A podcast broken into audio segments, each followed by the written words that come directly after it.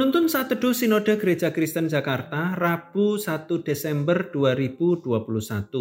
Bukan dari roti saja. Matius pasal 4 ayat yang keempat. Tetapi Yesus menjawab, ada tertulis, manusia hidup bukan dari roti saja, tetapi dari setiap firman yang keluar dari mulut Allah. Makanan diperlukan bagi kelangsungan hidup manusia. Tuhan Yesus tidak menyangkali hal ini, namun ia memberikan sebuah pertanyaan yang penting untuk direnungkan. Apakah kita hidup dari roti saja?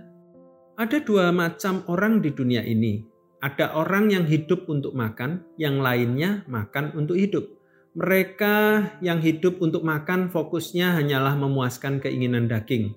Tidak heran fokus hidupnya hanyalah untuk saat ini saja sehingga gagal menyadari bahwa kesenangan dunia ini membawa mereka selangkah lebih dekat dengan kehancuran dan kebinasaan. Yesus mengingatkan bahwa jika orang terlalu memikirkan kebutuhan jasmani, ia tidak akan pernah merasa puas, justru semakin serakah. Sedangkan mereka yang menganggap bahwa makan untuk hidup akan lebih mudah merasa puas dan dapat bersyukur di dalam kecukupannya. Firman Tuhan mengarahkan kita untuk melihat bahwa seharusnya kita tidak hanya memikirkan tentang kebutuhan jasmani saja, tapi juga kebutuhan rohani. Memang kebutuhan jasmani harus diperhatikan, namun jangan lupa bahwa kehidupan akan lebih seimbang jika kebutuhan rohani juga diperhatikan. Kita perlu makan agar tubuh jasmani kita tetap sehat kita juga perlu membaca dan merenungkan firman Tuhan agar pengertian kita tetap sehat. Inilah yang namanya keseimbangan. Jika kita tidak bisa menjaga keduanya ini berjalan seimbang, maka kita akan mudah terkecoh dengan bujuk rayu iblis yang berusaha menjauhkan kita dari Allah. Sebagai orang percaya, bagaimana kita bersikap terhadap Yesus yang telah sekian lama kita ikuti sebagai Tuhan?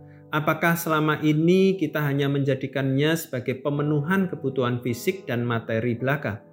Pernahkah kita memintanya untuk memenuhi kebutuhan rohani kita dengan kehadirannya? Renungkanlah itu. Sebab jika hanya kebutuhan fisik saja yang menjadi fokus kita, maka kita sedang dalam masalah besar. Sebab kita sedang kehilangan kesempatan bersama Tuhan.